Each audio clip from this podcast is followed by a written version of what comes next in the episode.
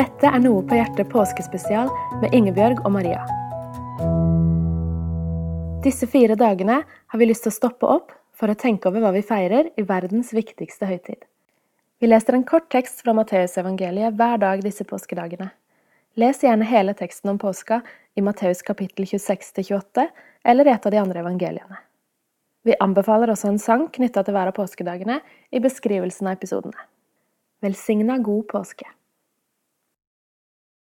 Lørdag. Jesus var død, og disiplene hadde ramla av én etter én.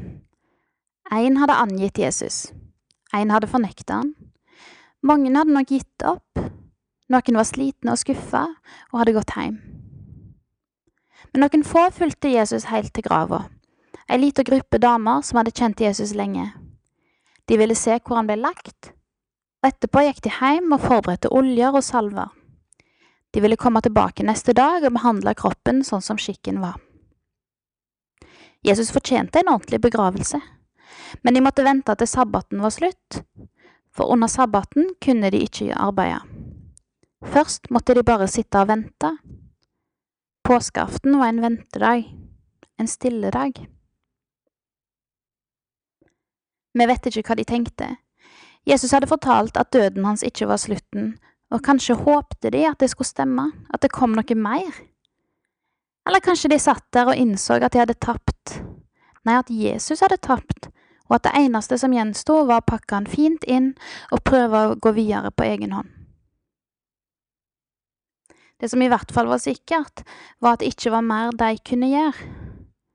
De kunne ikke hjelpe Jesus. De kunne ikke stelle han engang. De måtte bare sitte og vente. Og så skulle de bare visst hva som foregikk. De skulle bare visst hva de hadde i vente.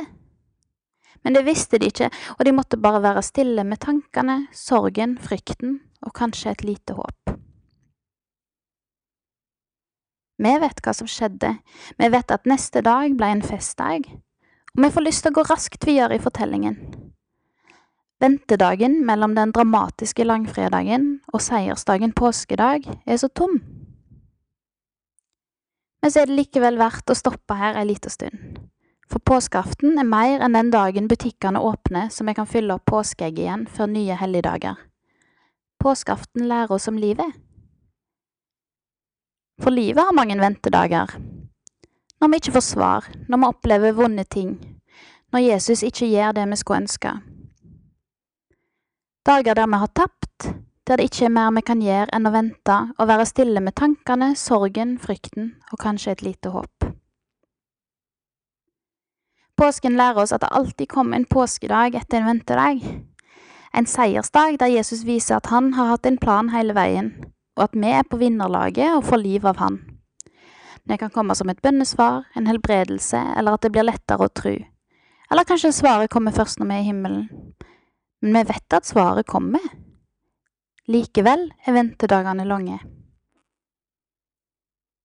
I dag kan vi være stille og kjenne på alt vi venter på. I morgen skal vi huske at det er seier i vente. Matteus kapittel 27, vers 62–66. Neste dag, dagen etter forberedelsesdagen, gikk overprestene og fariseerne sammen til Pilatus og sa, Herre, vi er kommet til å tenke på hva denne bedrageren sa da han ennå levde. Etter tre dager blir jeg reist opp.